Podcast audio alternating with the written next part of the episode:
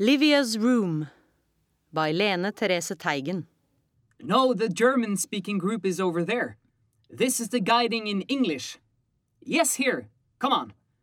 Sorry.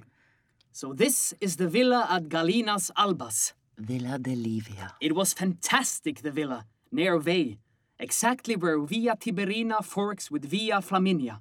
You see? Very convenient, easy to reach. It was hers. It had belonged to her father, the estate, never to Octavian. Augustus, I mean. His statue was found up there, actually, only some ten days before the underground triclinium.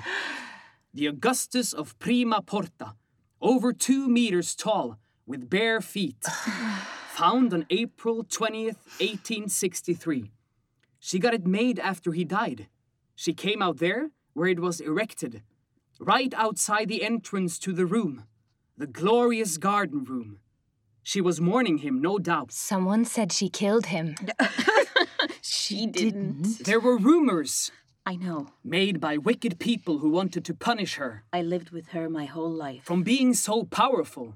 She was a woman after all. I would know if anyone. Yes, darling, you would. Nothing can be proved, not of my thoughts, my feelings, my Nothing motivations. can be proved, not of my thoughts, my feelings, motivations. They were married for 51 years.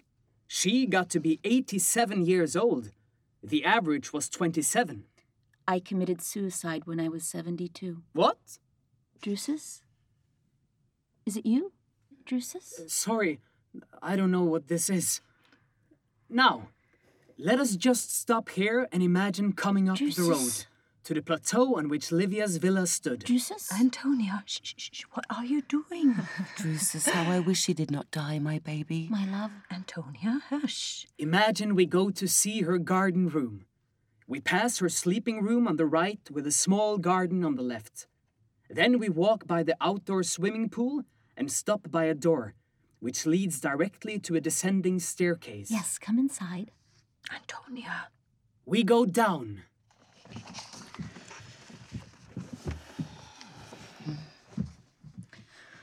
Oh, how I have missed you. Oh my gods, come back.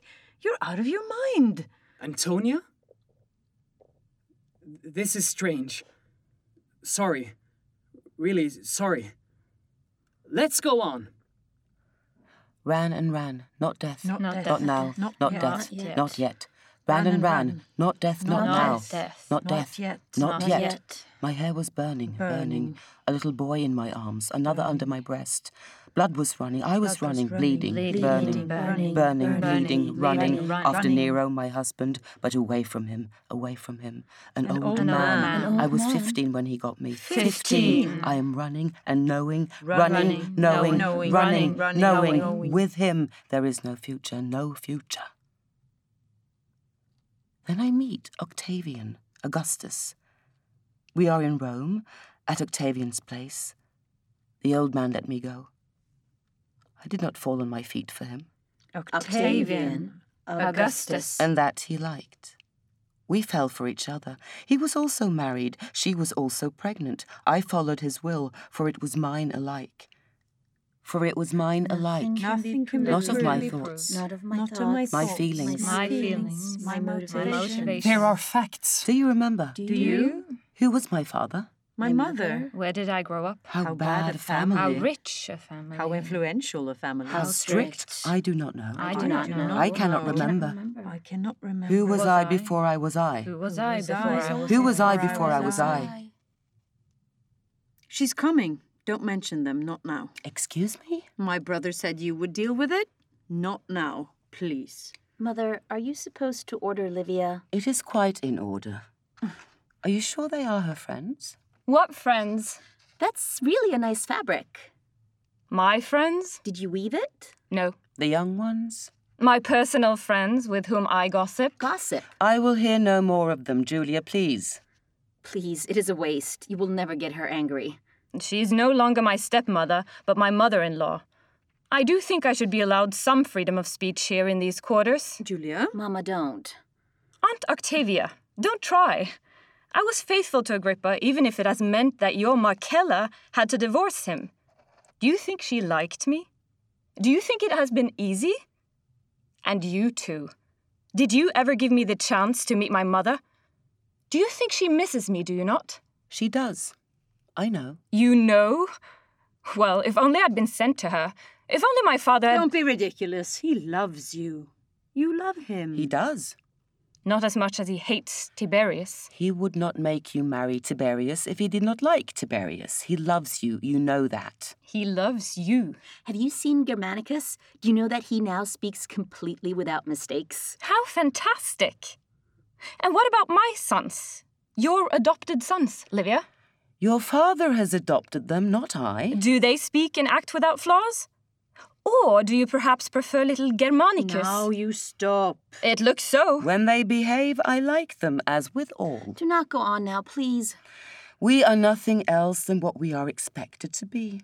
Act within your borders. That will make you happy. Do not try to go beyond your limits. Oh my gods, you are so. Please.